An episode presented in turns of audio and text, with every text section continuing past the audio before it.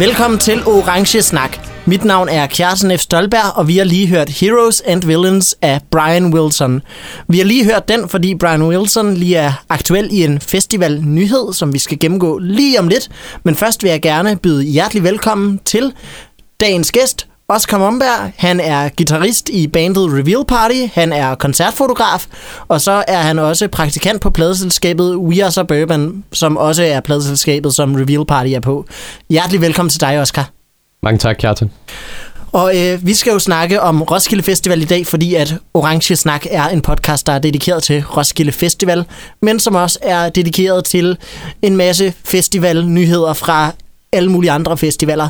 Vi har dog droslet lidt ned på de store festivalnyheder, fordi der er sket rigtig, rigtig mange nyheder i Roskilde-regi, siden at vi indspillede det sidste afsnit af Orange Snak. Men lad os lige få den største nyhed fra resten af festivalverdenen ud af vejen. Øh, du kender godt Heartland Festival, ikke Oscar? Jo, selvfølgelig. Har du været der nogensinde selv? Nej, det har jeg faktisk ikke. Det har aldrig lige passet i, øh, i den kalender, jeg lige har haft. Jeg var der en, en gang for, for, for sidste år, der var der for første gang. Det var en rigtig, rigtig god oplevelse. Jeg regner også med at skulle afsted igen øh, her i år. Øhm, og jeg regner endnu mere med at skulle afsted, når jeg ser de her 11 nye navne, som lige er blevet annonceret. Øh, det er Beck, Brian Wilson, Femi Kuti, Cat Power, The Avalanches, Le, Impre- Le Imperatis, Spleen United, Hugorm, José González, øh, Claus Hempler og Annika Aukær. Øh, José González, Claus Hempler og Annika Aukær spiller til et koncept, der hedder Acoustic Evenings, som er hver dag på Heartland. Så efter at alle talksene er blevet afholdt i øh, Talks-teltet, så vil en singer-songwriter komme med et akustisk setup og spille deres sange der. Og det er, så det er en meget fed idé. Ja, det, det synes jeg også er rigtig smart. Og så betyder det også bare sådan, at talks-tentet ikke helt sådan bare går ubenyttet hen, når at, øh, du ved, alle talksene er forbi. Og jeg synes også, det er smartere end at prøve at lave et telt, der både er godt til talks og godt til alle slags koncerter. Ja, det fungerer meget godt at slutte af med en singer-songwriter på en eller anden måde, ikke? Ja, lige præcis.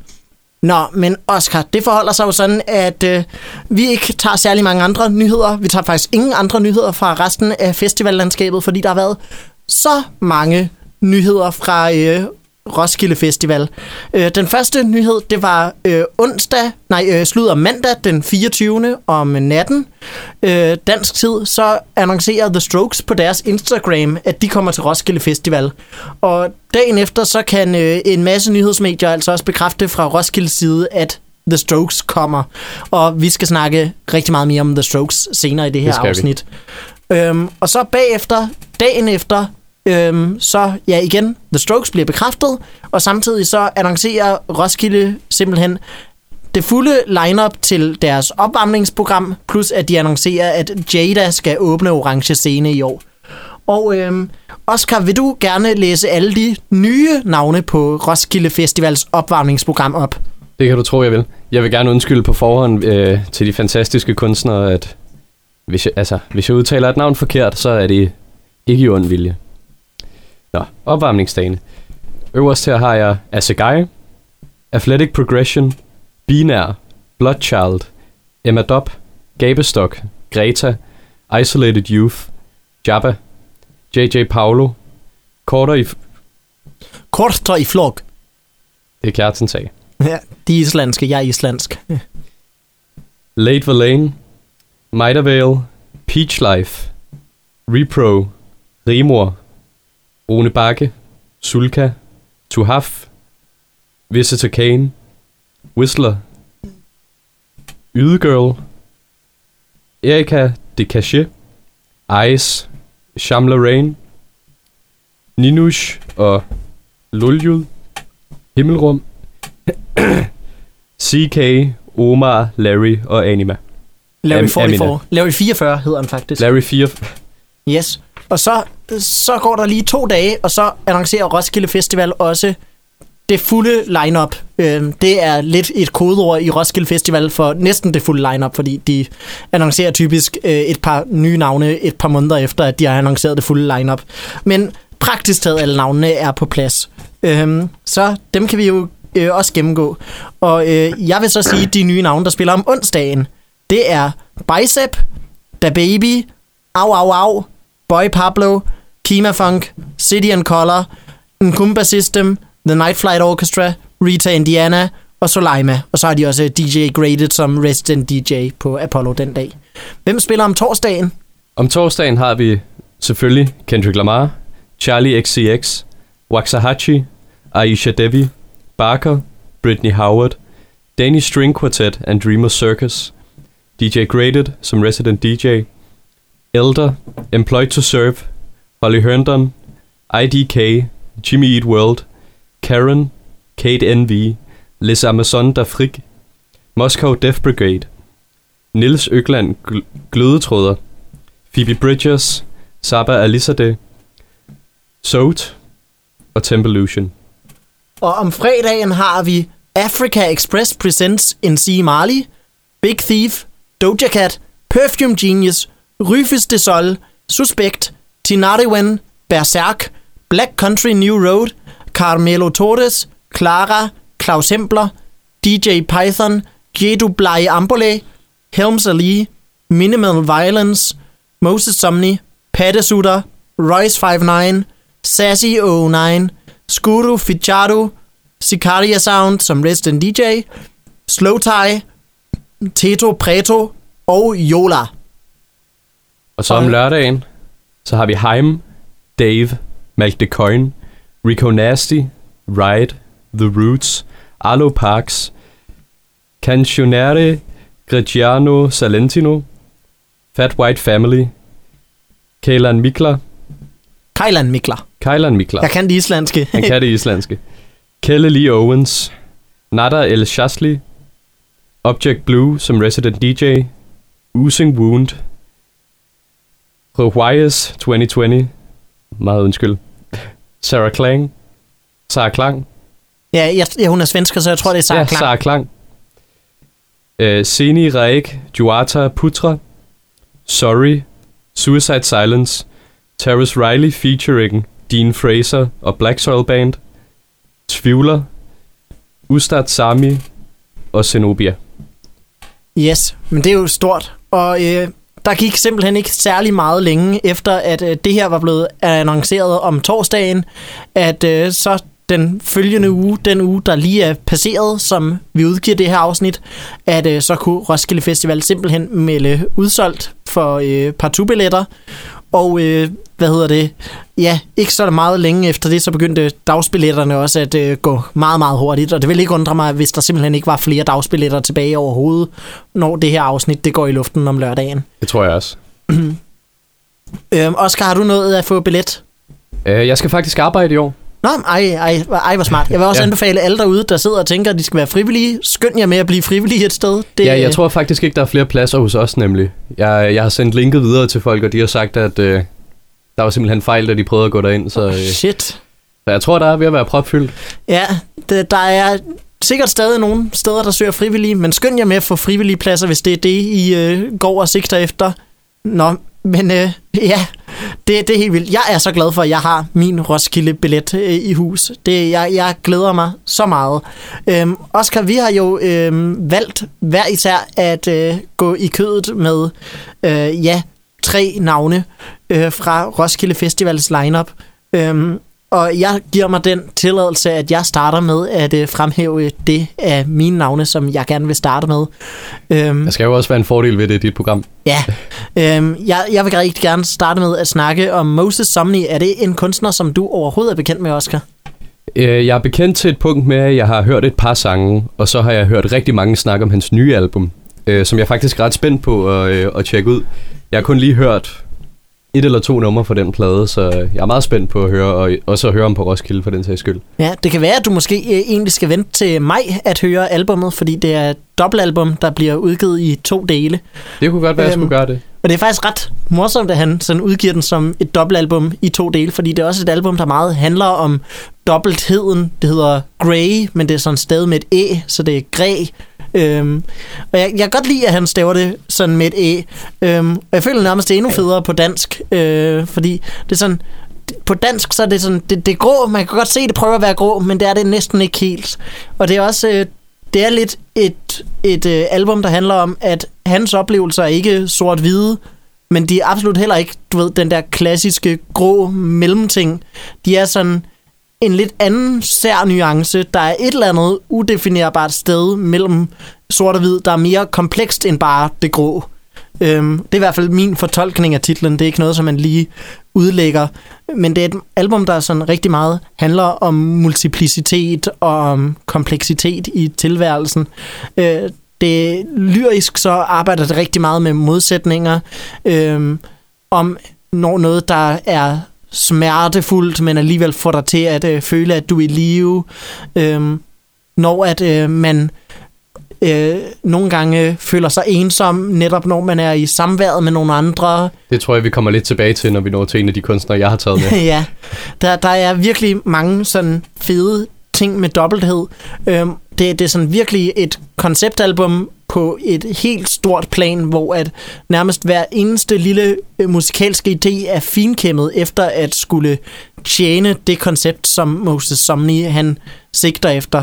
Også øh, den her dobbelthed, den kommer nemlig også nemlig rigtig, rigtig fint øh, musikalsk til udtryk, hvor at der er nogle sange, hvor han øh, har en gæstevokalist med, og så sådan blander han sin stemme og gæstevokalistens stemme sammen, så man ikke helt kan høre, hvornår hans stemme begynder og gæstens øh, slutter. Og, så lidt med nuancer, ligesom du snakkede om før.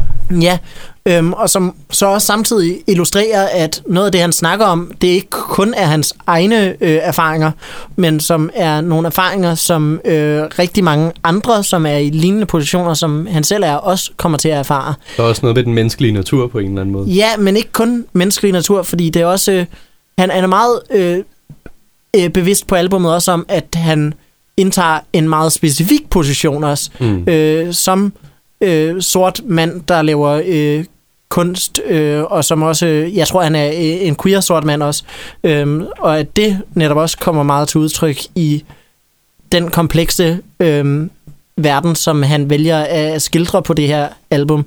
Øhm, inden da, så udgav han et album, der hed Aromanticism, som øh, nogen har tolket lidt som at være et album om at være aromantisk.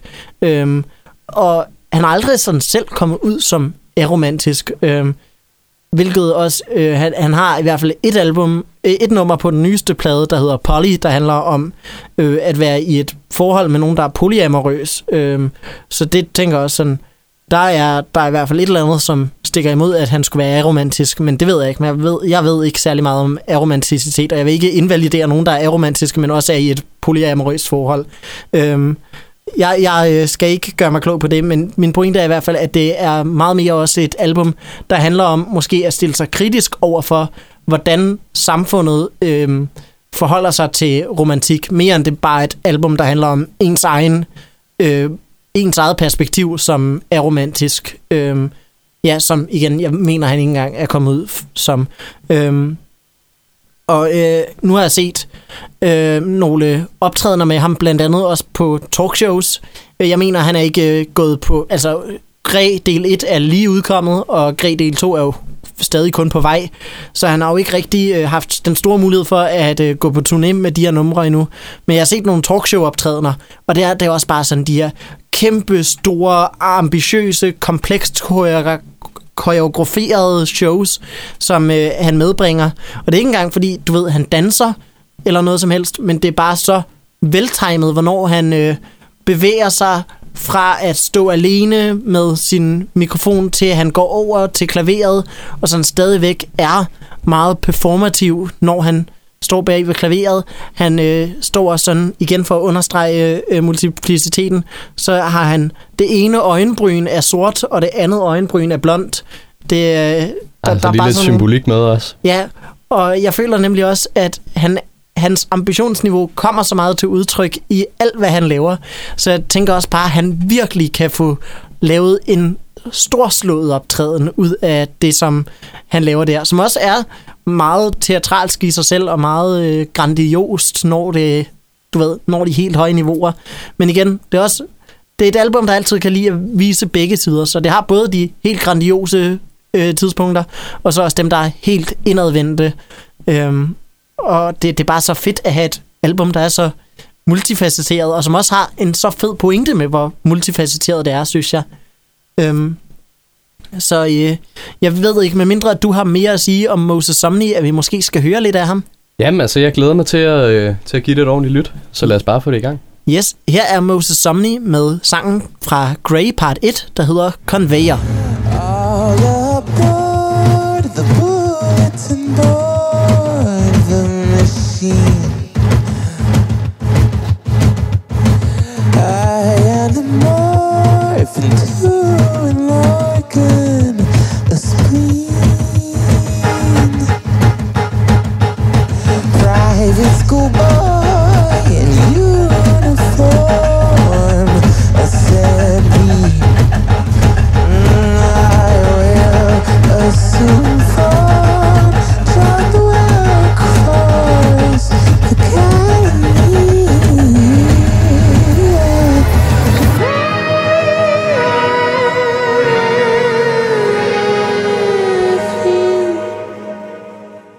Det her, det var Conveyor af Moses Somni fra hans øh, spritnye halve dobbeltalbum øh, Grey Part 1. Og øh, Oscar, vi er nået til en kunstner, der er blevet annonceret til Roskilde Festival, som du har valgt. Hvem er det? Ja. Vi er nået til Riot, og øh, det, det er jo meget stort for mig, Kjartan. Fordi øh, du ved nok godt, at jeg er meget stor shoegaze-fan. Det er du. Jeg er det, meget stor shoegaze-fan, og det kan man også se på den musik, jeg selv laver, og mit setup og så videre. Og vi har jo fået en af de tre store nu til Roskilde. Yes, Øh, passer jo og- sådan set meget godt med, at vi havde My Bloody Valentine for, øh, for to, to år siden, og så for tre år siden var det, vi havde øh, øh, Slow Dive, ikke? Det kan godt passe. Ja, jeg mener, det er tre Øhm, år siden, at Slow Dive var der øh, på Avalon. Meget, meget smuk koncert. Jeg så ikke My Bloody Valentine, men jeg så Slow Dive. Øh, jeg har set, set uh, My Bloody Valentine andet, andet sted stå, og jeg har også set Ride før. Så jeg, Så jeg du har, simpelthen set dem alle tre, jeg har set alle tre. forskellen Det- er, jeg har ikke set nogen af dem før. Ja. Øh, og jeg er meget ked af, at jeg ikke fik set My Bloody Valentine for to år siden, fordi de har lavet en af mine yndlingsplader nogensinde. Men nok om My Bloody Valentine. Riot er en af... Altså ligesom at man har The Big Four i thrash metal, så har man The Big Three i shoegaze. Det er My Bloody Valentine og Slowdive, som vi lige nævnte, og så er det Riot. Og muligvis det mest undervurderede ba- shoegaze-band, vil jeg sige. Ja, jeg I er hvert fald i er de nogle, tre øh, store. Jeg er inde i nogle shoegaze-grupper på Facebook, og der er sådan lidt... Der var et populært meme for nogle måneder siden om bare shitte på Ride. Og Ja, det var det stort kan jeg godt bare huske. Jeg tror, jeg er med i det samme. Ja, det var bare begyndelsen og slutningen af joken var bare Ride stinker. Ja, jeg, jeg, jeg kan sgu godt lide Riot. Jeg kan også godt Især, lide Riot. øh, altså deres album fra 1990, Nowhere, som også, altså uden tvivl er deres største album, og, Og som bliver også- udkom både før øh, Souvlaki og, og øh, Loveless. og Loveless. Ja, det er noget, noget, jeg blev meget overrasket over, da jeg så det første gang. Ja. Fordi jeg tænkte, at de, altså, jeg er en af dem, der også har undervurderet Riot i meget lang tid, og da alle andre også gjorde det, tænkte jeg, "Nå, men så er det jo nok et eller andet, der er kommet sådan i halen af shoegaze-bølgen. Men det er faktisk, af, af de tre mest skældsættende album, er det det første, der kom. Ja, det er jo så til gengæld øh, efter øh, Isn't Anything af My Bloody Valentine. Som Efter Isn't også er Anything, en glimrende... Også et glimrende album, ja, men i hvert fald det første af de tre helt store. Øhm, og, og de tre helt store der er alle sammen præget ret meget af, af tre forskellige ting. Øh, My Bloody Valentine med den mere støjede side, og Slowdive med den mere dreampoppede side.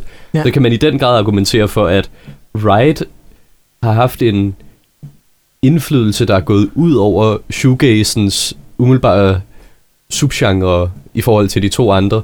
Øh, My Bloody Valentine, deres indflydelse kan man primært høre inden for ting, der lyder ret meget ens. Ja, Hvorimod Riot har haft sådan en underlig indflydelse med meget få af deres sange, øh, i høj grad på 90'ernes alternative øh, rock, som øh, OK Computer, kan man i den grad høre Vapor Trail på, hvis, hvis du spørger mig i hvert fald. De Ja. har også selv nævnt dem som, øh, som indflydelse.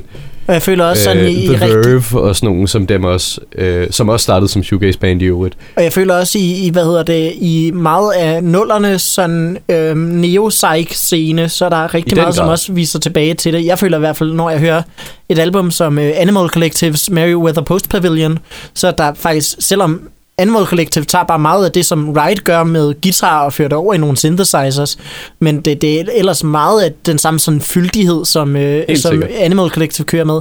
Også band som Grizzly Bear, føler jeg også har... Øh, Grizzly Bear også, helt har klart. taget rigtig meget fra Riot, og især fra Vapor Trail.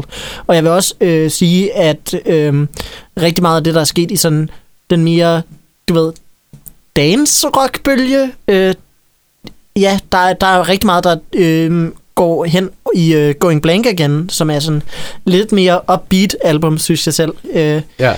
Øhm, som har et fantastisk cover af et klovneansigt. Øhm, Going Blank Again er faktisk min yndlingsride-plade, men øh, Ja, begge to jamen, er øh, rigtig, den er rigtig også ved at vokse på mig faktisk for tiden. Jeg plejede at være sådan en, der var meget sådan om de bedste tre shoegaze-albums. Det er Nowhere, det er Loveless og det er Souvlaki. Men altså, jeg er begyndt at åbne en del mere op for det tidlige Slowdive og, øh, og MBV også. Ja, My Bloody Valentine. Og så også Going Blank igen. Men jeg tror stadig Nowhere, at det, det, det er sådan... Det er sådan lidt mere min baby på en eller anden Ja. måde. Det var et af de, altså da jeg begyndte, da jeg tænkte, hvad fanden er shoegaze, så var det de tre albums, jeg ligesom hørte, ikke? Ja, og så lever Øh. vi også i en smuk tid, hvor sådan, altså, alle tre bands udgav nogle fremragende plader i 90'erne. Øhm, var stort set, øh, ja, ingen af dem udgav noget i nullerne, vel? Og så Ikke umiddelbart, nej. har de alle tre også udgivet musik i tierne igen. Det Eller er jo, altså, øh, smukt. de medlemmerne af Slowdive havde jo et andet band, som udgav musik i nullerne. Okay, Mojave Free. der, der er jeg... Men det var øh, deres country band, der er jeg og det snakker vi ikke om. jeg gør i hvert fald ikke. Men nu er vi gået væk fra Ride nok. Ja. Øh, den sang, vi skal høre, det er selvfølgelig Vapor Trail. Og det er ikke nødvendigvis den mest repræsentative for resten af ikke engang albumet Nowhere, men det er i den grad deres mest indflydelsesrige sang.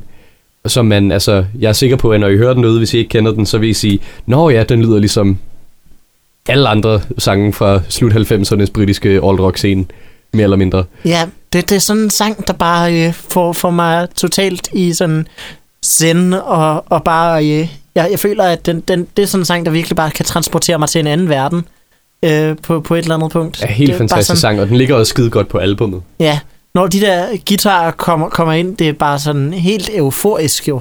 Øhm, jeg føler Meget faktisk... Smiths på en eller anden måde. Meget Ja. Johnny Marr i gitaren. Ja, men sådan på, på et, en mere eterisk måde Helt end The sikkert. Smiths, hvor Smiths har alle dage øh, været bygget op omkring sådan mere øh, poprocket sangskrivning.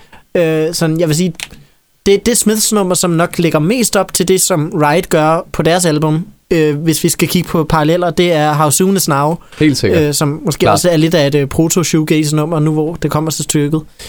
Øh, Det kan man måske godt sige, ja. Ja, Jo. Det er ikke Øhm. the hottest take I've ever heard.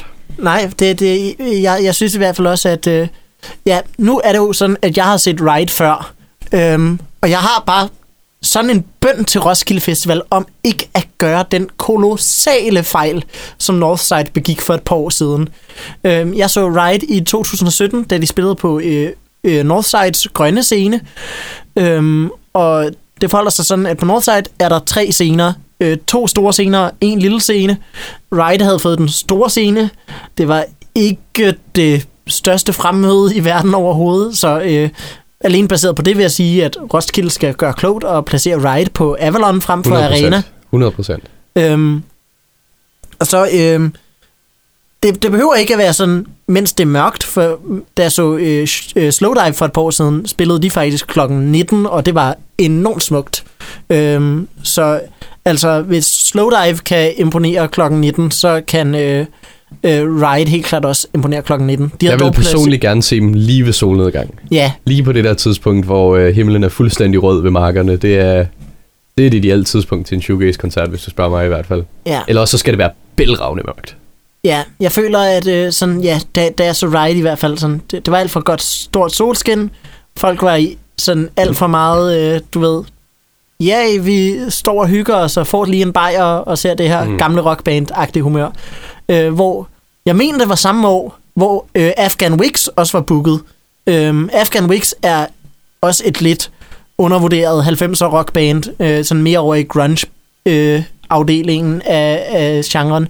Men de var placeret på den lille scene, mens Mø var i gang over på den store scene. Det var perfekt placeret. Nå. Og det var midt om natten.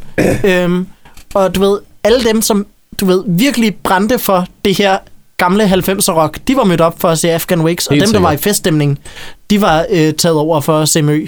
Øhm, altså, man, man festede også til, til Afghan Wigs, men på en helt anden måde. Mm. Øhm. Det minder mig lidt om, da jeg så øh, Honningbarner samtidig med Pharrell spillede. Ja, Honningbarner på Pavillon. Vildeste koncert, jeg har været til i mit liv. Ja. Og altså, der var et gennemgående chant af Fuck Pharrell!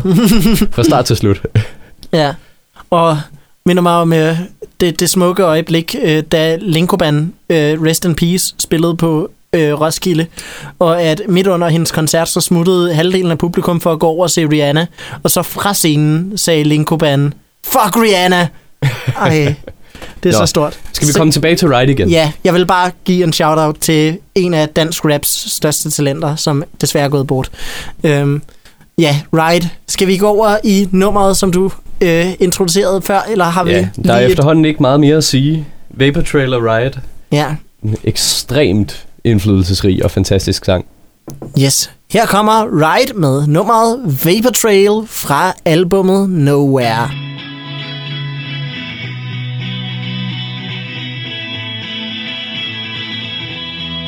First you look so strong, then you fade away.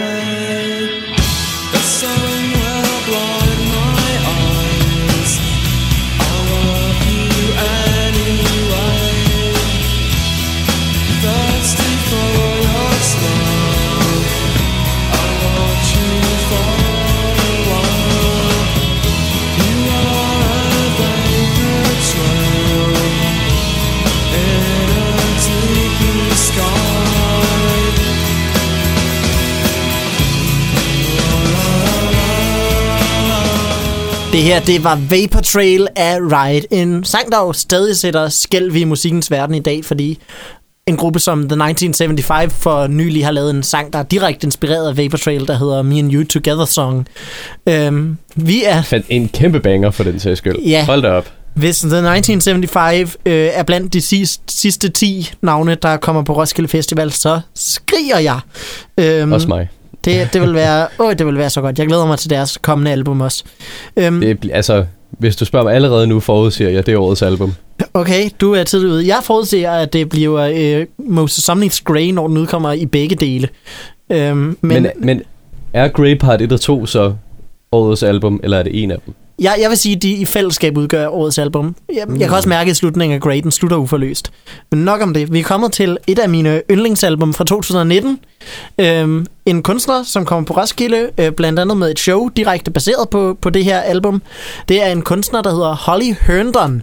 Øhm, hun er sådan en rigtig, rigtig spacey, øhm, ja, komponist, elektronisk musiker. Hun har en Ph.D. i kompo- komposition.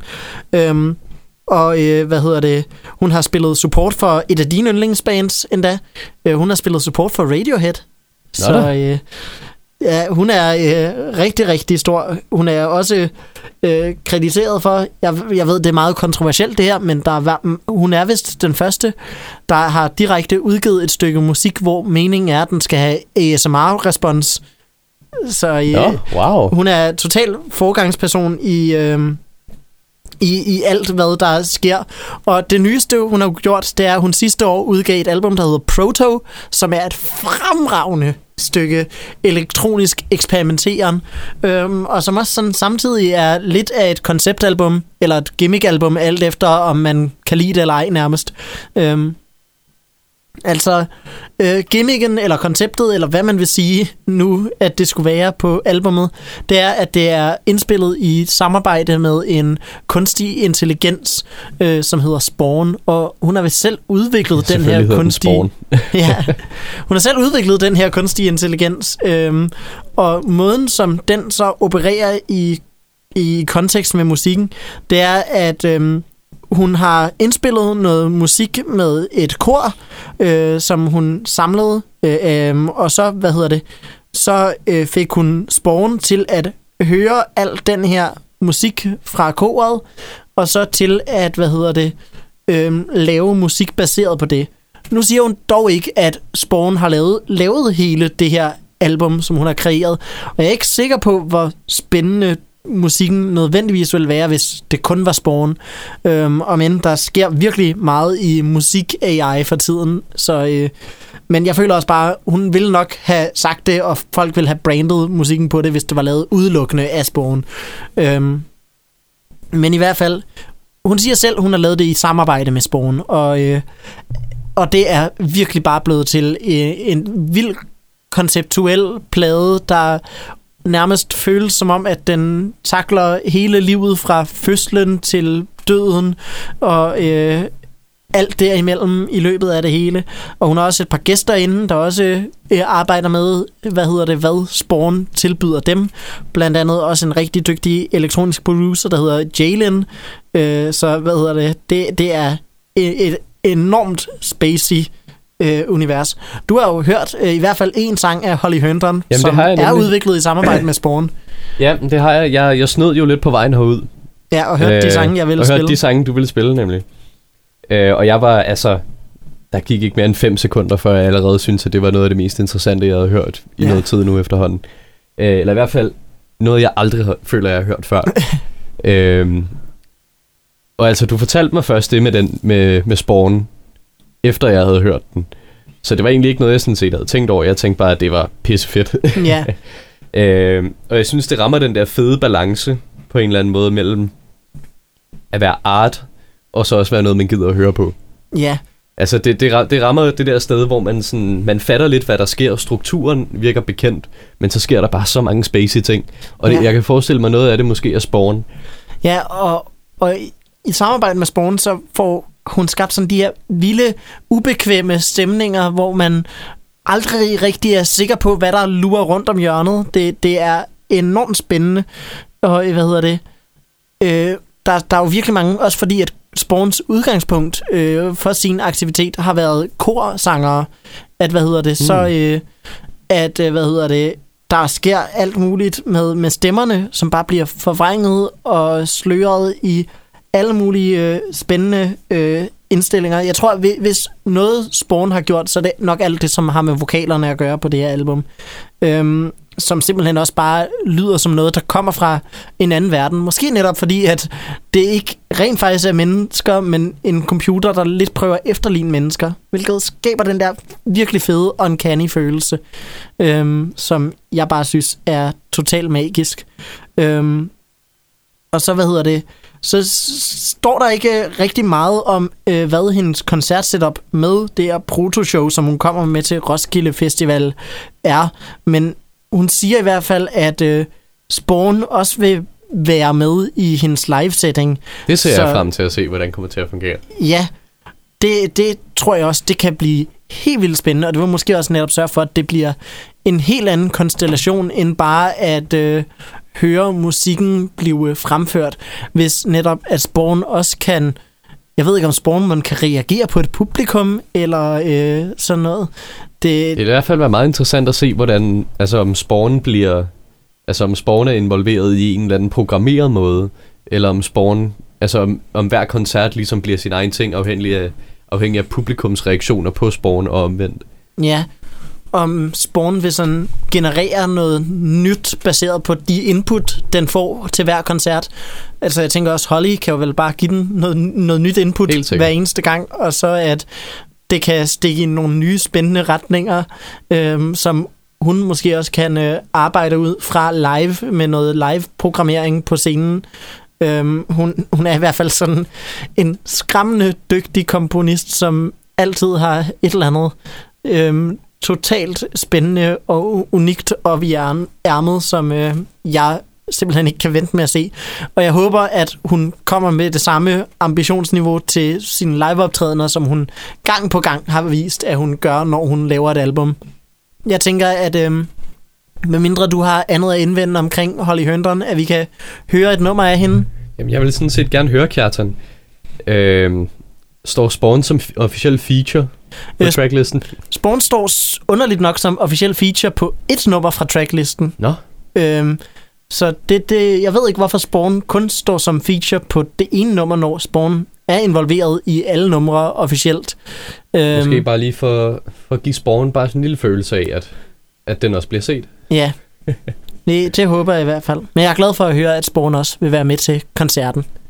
Øhm, her kommer Holly Herndon og Spawn selvfølgelig med nummeret, der hedder Eternal fra albumet Proto.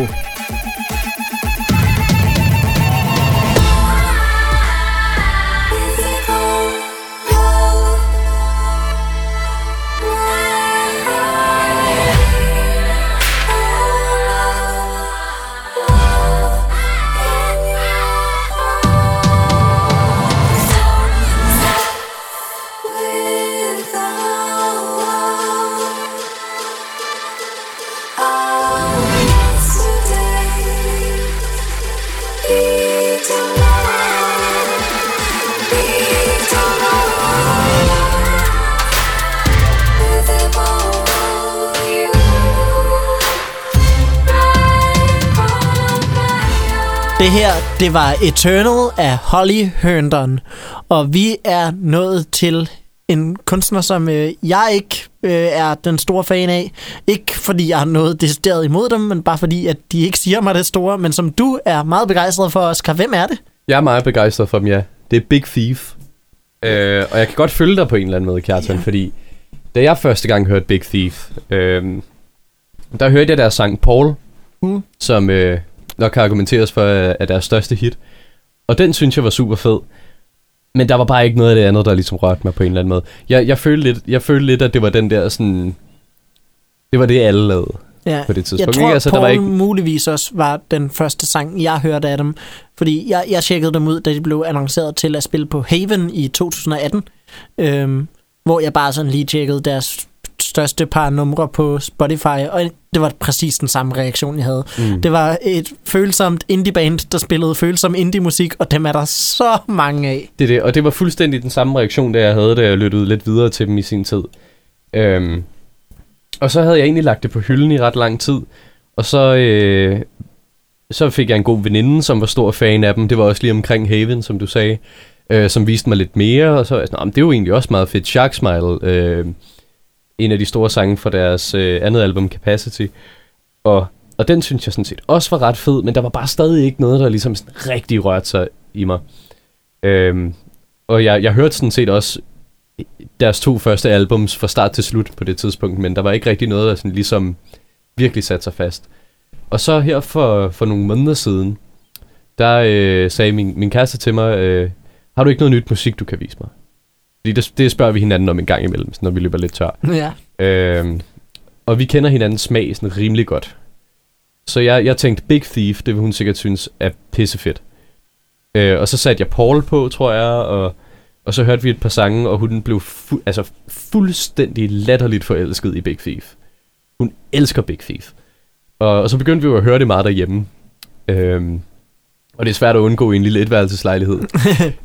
så, øh, og så begyndte jeg jo også at høre det mere og mere. Og så begyndte jeg også at synes, det var federe og federe sådan set, men det var stadig ikke noget, jeg sådan rigtig hørte, når jeg sad med hovedtelefonerne alene. Det var ikke sådan lige det, jeg satte på, når jeg skulle høre et helt album.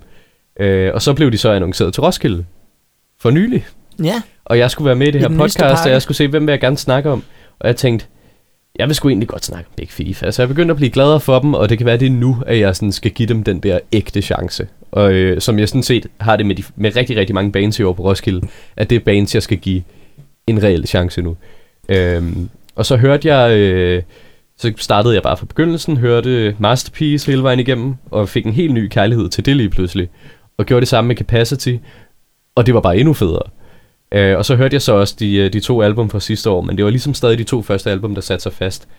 Og, øh, og nu er det jo ikke bare lytterne på, øh, på podcastet, jeg skal overtale. Det jo også dig, Kjartan, Ja. som du siger. Men jeg føler, måske skal vi lige starte med, med lytterne faktisk, fordi jeg føler, at vi, vi har måske ikke rigtig forklaret, hvordan Big Thief lyder, udover at de er øh, en, hvad hedder De det? er følsomt indie Øh, de, er en, de er et følsomt indie-band. De er helt klart et følsomt Ja. indie band.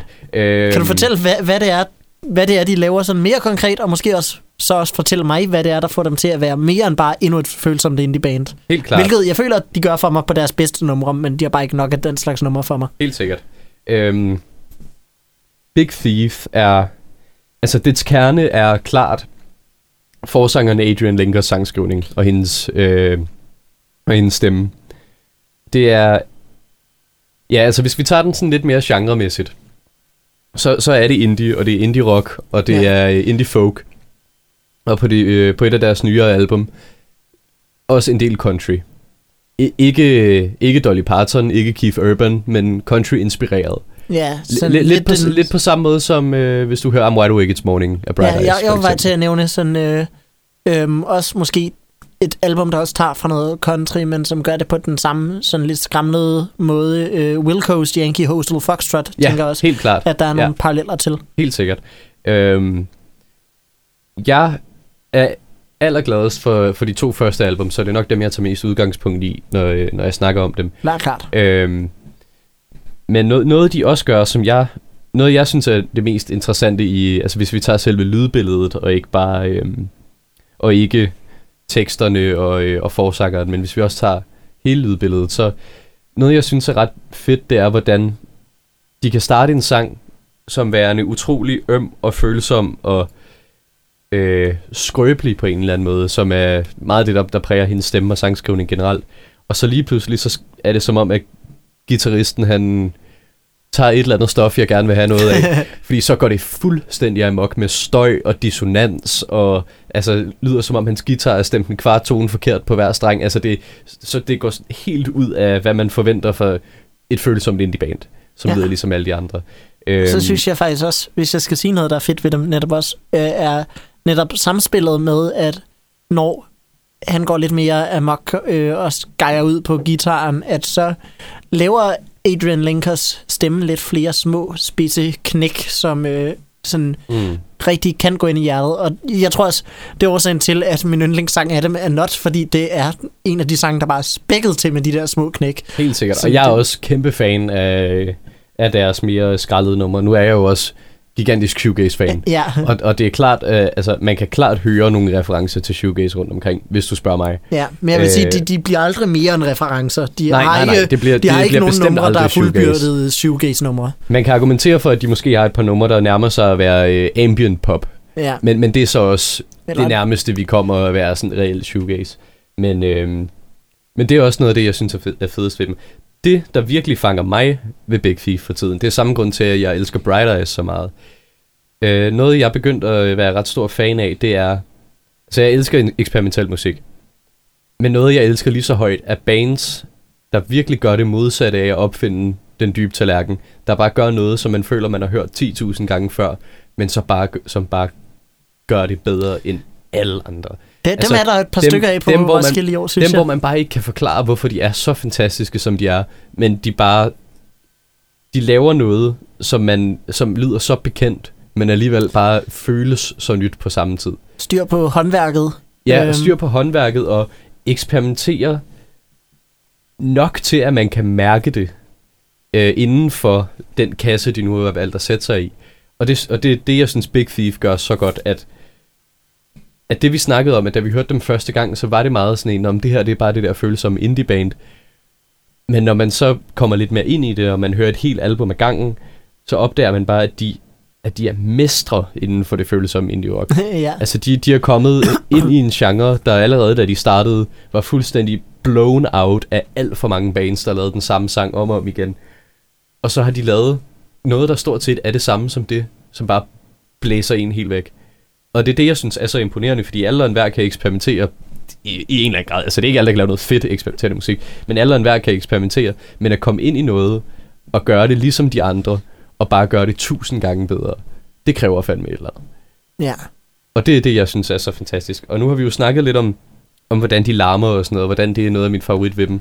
Det nummer, vi skal høre, er bestemt ikke et larmende nummer. det er måske det mest stille nummer, de har lavet. Øh, men det er mit yndlingsnummer, og det er mig, der vælger, så det bestemmer jeg. Men tænker også, sådan, der i det mere- stille numre, øh, noget jeg i hvert fald hører mange snakke om, men som måske ikke helt er gået igennem til øh, øh, mig personligt, øh, det er, at de sætter rigtig meget pris på den intimitet, som de også kan skabe, når der Helt er sikkert. noget mere Det stille. er øh, et udtryk, man hører meget, synes jeg, om især indie bands og singer-songwriter-musik, er, at folk snakker som om, at, eller de snakker om det som om, at det her er en, en god ven, man har, der, der, der taler til en. Og normalt synes jeg, at i 9 ud af 10 gange er det bullshit. altså, jeg har meget sjældent følt, at der er nogen, der taler direkte til mig. Det gør jeg i den grad her. Øh, det her, det, det føles så intimt og personligt, at at ikke bare føles det som om, at, der, at sangene bliver sunget til mig, det føles også som om, jeg har opdaget et band, som ingen andre kender.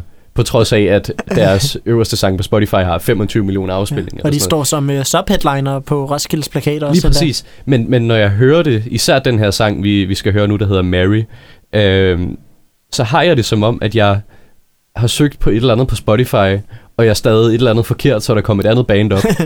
og så går jeg bare ind på det, og så ser jeg, at der er tre monthly listeners, og så hører jeg den midterste sang på deres første plade, der ikke engang står i deres top 10. og så er det bare fantastisk. Og så tænker jeg, det her er specielt. Det her er noget, der er mellem mig og den her kunstner. Og det her, det er bare et sindssygt populært band. Og Ej, det, det synes jeg er en helt vild ting, at de kan, især efter de blev så stor på deres første plade, at den der intimitet stadig er der, og det er så autentisk på samme tid.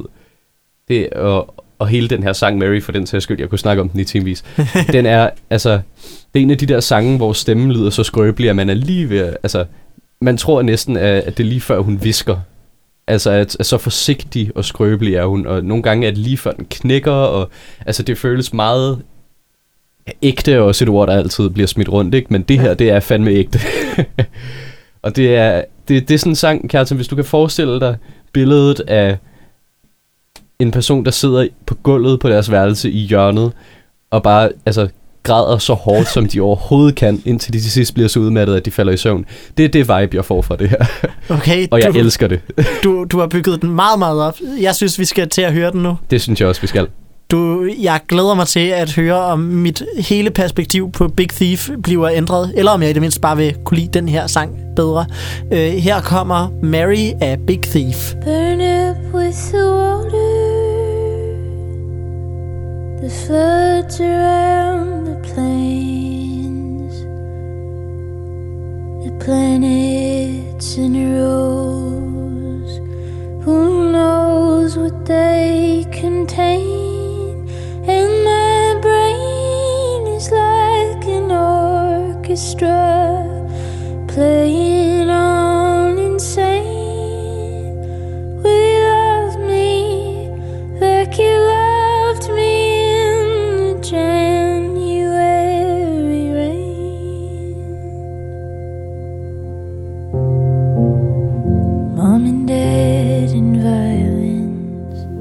Det her, det var Mary af Big Thief, og jeg, jeg var skeptisk, men øh, jeg gjorde, som du foreslog. Jeg lukkede øjnene og prøvede at lukke mig ind i min helt egen verden og bare være så intim med det her nummer, som jeg kunne, og danne mine egne billeder inde i hovedet, og det var virkelig, virkelig smukt. Jeg, jeg, jeg ved ikke, om man kan se det. Øh, man kan ikke se det. Det kan være, at du kan se det.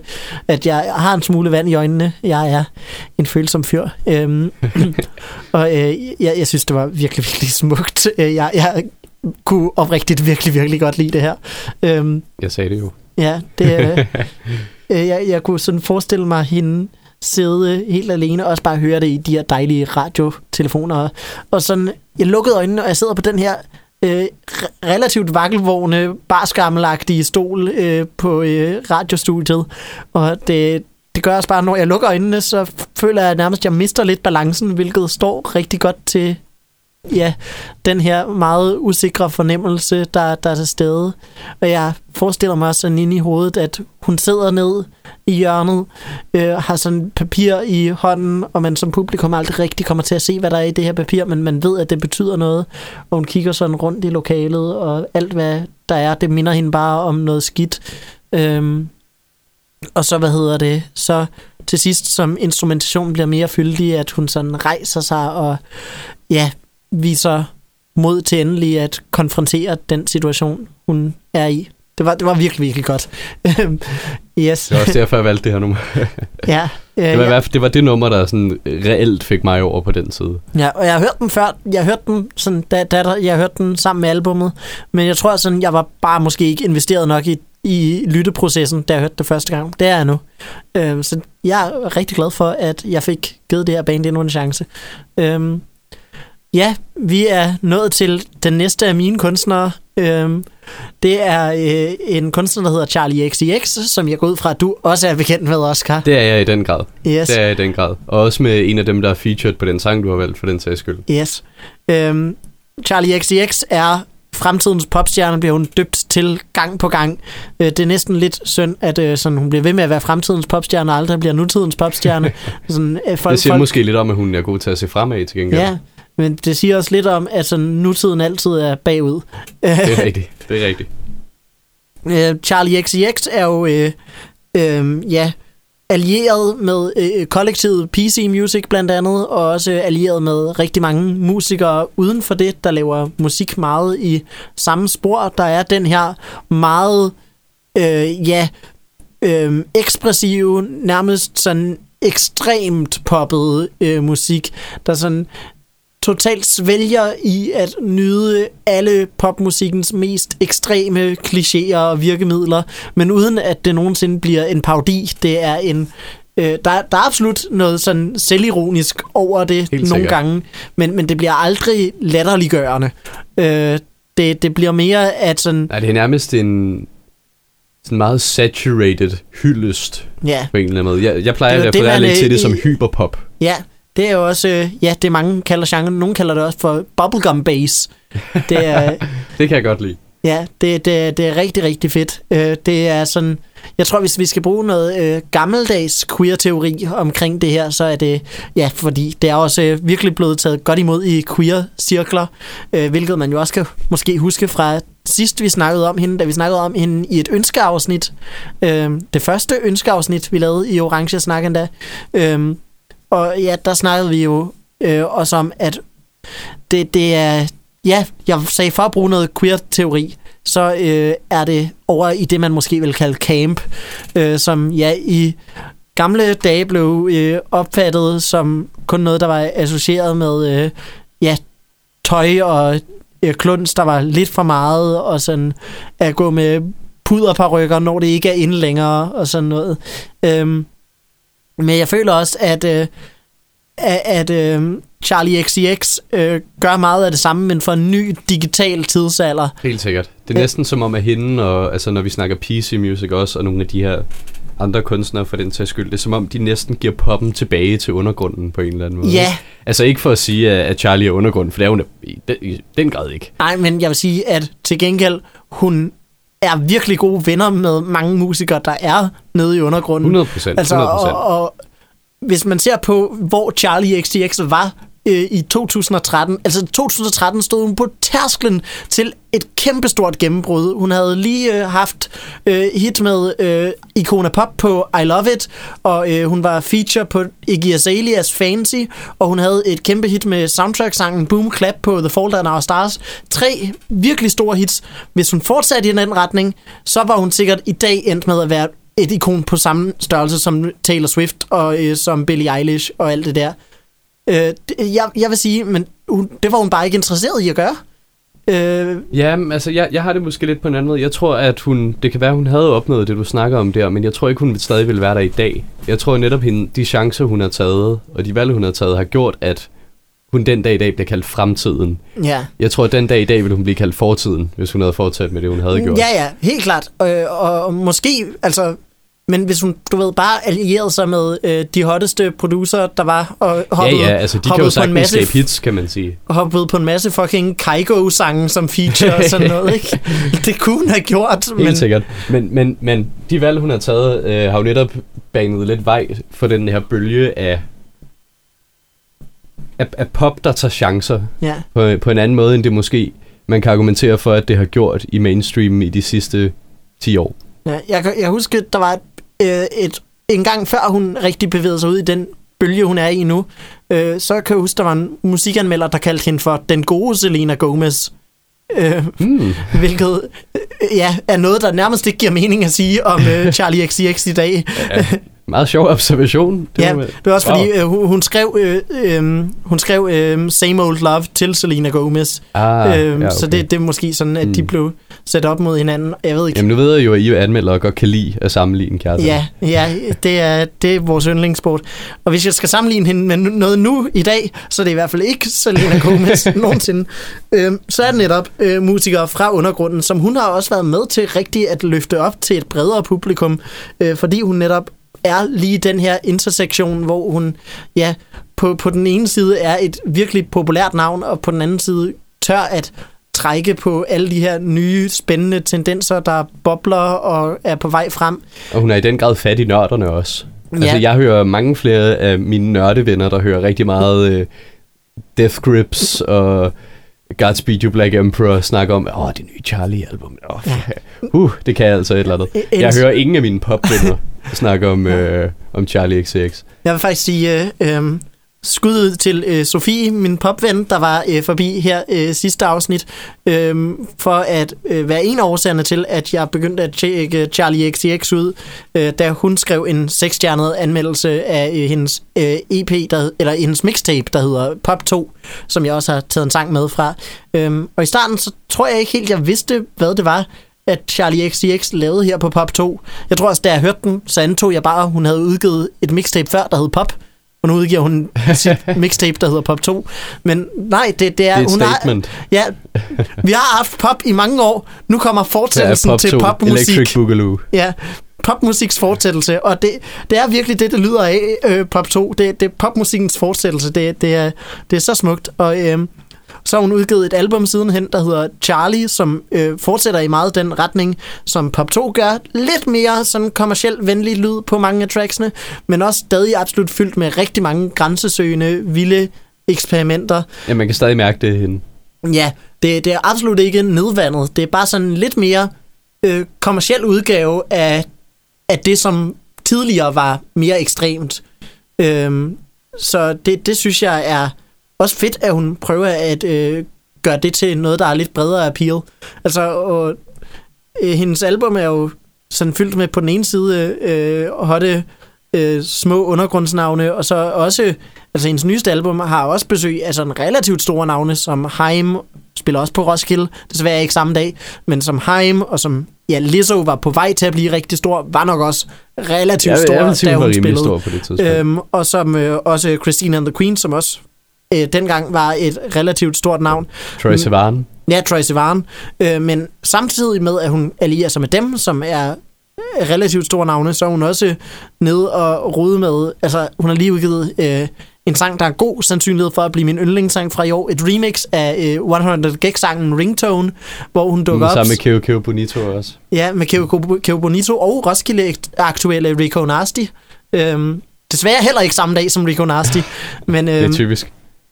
Men altså, det er sådan en vild hjernevridende rejse rundt i en masse forskellige genrer. Øh, det, det er virkelig bare hjernevridende. Det er svøbet ind i så meget autotune, så det halve kunne være nok. Det er Charlies egen musik i øvrigt også. Øhm, Ved du hvad, men- Kjartan? Du skulle have taget den med, for jeg har Hvad? ikke hørt den endnu. Øh, du har ikke hørt ringtone Jeg har remixet? simpelthen ikke hørt ring- Ringtone remixet Nej, jeg tænkte, jeg ville tage en af Charlies egne sange med. Øh, Ja, helt sikkert. Jeg, har, Jeg jeg, har nemlig overvejede- jeg fokuseret på meget på de, på de tre kunstnere, jeg har taget med i dag.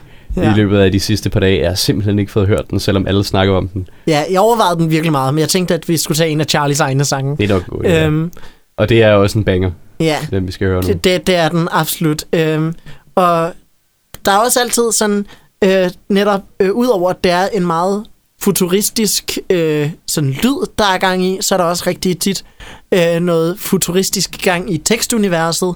Øh, altså på hendes nyeste plade, Charlie, så er der en sang, der hedder 2099, som også, øh, det er en af de helt weird eksperimentelle sange, øh, og det er en, et, fællesskab, øh, øh et fælles nummer med Tracy Sivan, og, og så er det også sådan lidt en fortsættelse til nok pladens mest kommercielle nummer overhovedet, som hedder 1999, øhm, som også er med Tracy Varen.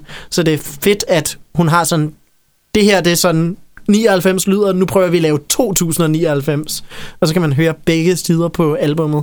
Øhm, og så, ja, snakker du, hun også om øh, robotter, og, øh, og her er nummeret Fembot, som jeg har taget med.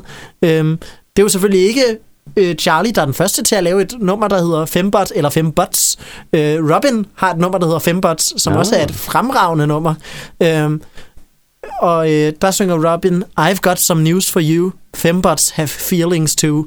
Jeg ved ikke, om Charlie har været inspireret af Robin her. Jeg tror, at de Det fleste... vil ikke overraske mig. Ja, jeg tror, at de fleste... Det er også fra øh, Robins Body Talk-album, som nok har været øh, det, som popnørder øh, vil krone til at være tiernes mest sådan indflydelsesrige popalbum. Øh, helt klart. Og især øh, for sådan de mere fremadsynede kunstnere som Charlie for eksempel. Nu glemmer øh, du jo My Teenage Dream Ended. Øh, ja, det er jo det er også Farrah Abraham. Der er også, hun er også meget proto det, Charlie har gang i, men på en meget uintentionel måde. Ja, helt sikkert. Men øh, ja, jeg vil også anbefale alle at høre uh, My Teenage Dream Ended. Øh, men i hvert fald, jeg øh, har taget øh, et nummer med, som hedder Fembots, som i modsætning til Robin-nummeret er skrevet sådan direkte fra perspektivet af en fembot. Og øh, så synger hun om, at I'll be your fembot, sammen med øh, en øh, kunstner, der hedder Dorian Electra, som vi også har snakket om senere i gennembrud tidligere i albumet. Ja, det var det. Øhm, og jeg vil anbefale alle at høre Dorian Electras nyeste album, der hedder øh, Flamboyant. Det er også rigtig godt. De varmede jo op for øh, øh, Charlie XCX i øh, Lille Vega, hvor jeg øh, så begge to og mødte Dorian Electra, og det var super smukt. Og Charlie XCX var jo også rigtig god og festlig der. Øhm, Jeg føler, at jeg var den eneste, der ikke var der den aften. ja, det er synd, Oscar. Det, øh, næste gang, at der er en aften, hvor alle er der, skal du være der. øhm, men det, det er ikke det samme uden dig. Øhm, der var, jeg håber, at... Øh, jeg føler, at der nok, selvom Charlie blev nødt til at blive nedgraderet fra øh, Store Vega til Lille Vega, at hun nok godt kan trække nok mennesker til arena. Jeg er lidt bange for, hvis hun får Avalon, at det bliver alt, alt for pakket i hvert fald. Det tror jeg, det vil blive. Ja, så jeg vil sige... Især hvis hun får en nattekoncert eller Ja. sen aften. Lad, lad os sætte øh, Charlie på arena. Hun kan bære det. Giv hende den chance for et kæmpe publikum, som hun desværre ikke fik i Vega. Øhm, og så lad hende forhåbentlig spille det her nummer. Charlie XCX featuring Dorian Electra og Mickey Blanco. Her er Fembot. Go fuck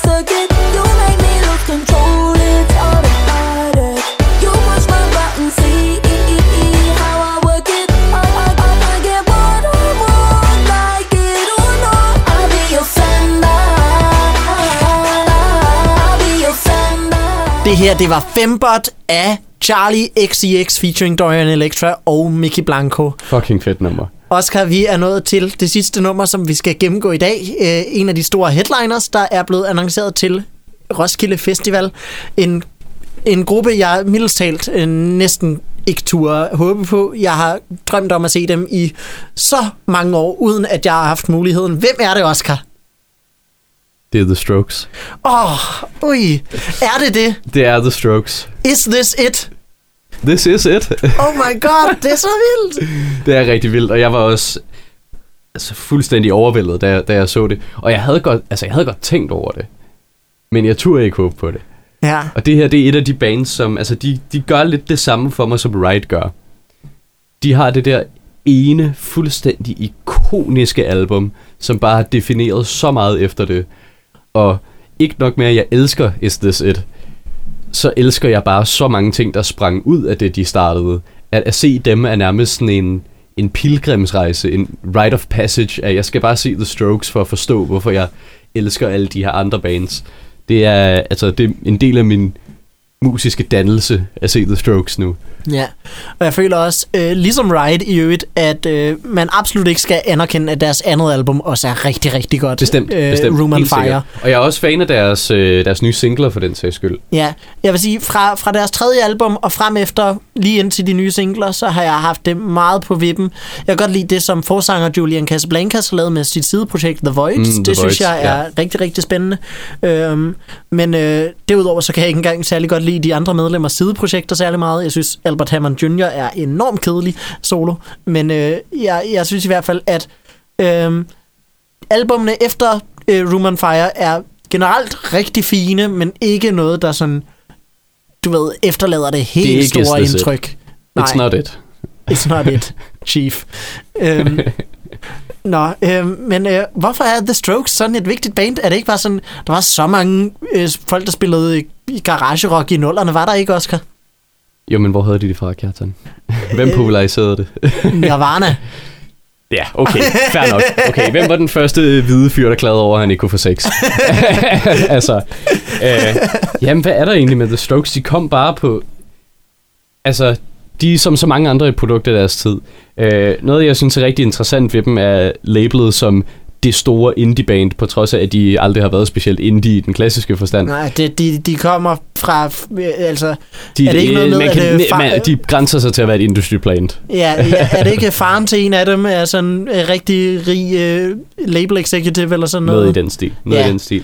Men, men øh, det drama, det er, det er slaget Men fuck det. Altså, Ja. fuck det. Og fuck, øh, altså, når folk siger industry plan, kan jeg ikke lade være med at altså, knække mig en lille smule. Ja. Hvis musikken er fed, så er jeg fucking ligeglad. Ja, Og The Strokes er fucking fedt. Øhm, og jeg- jeg ved ikke engang helt, hvordan jeg skal beskrive, hvorfor. Ja, jeg tror sådan, øh, min gode ven Nikolas Hein, som også har været på podcasten tidligere, øh, pointerede en gang noget, noget helt vildt spidst omkring øh, stroke song, sangskrivning, især på øh, de to første plader. Og det er jo faktisk, at øh, de tager rigtig meget øh, som... Øh, ja, du, du ved, teksturerne og instrumenterne, det er alt sammen noget fra garagerockens verden.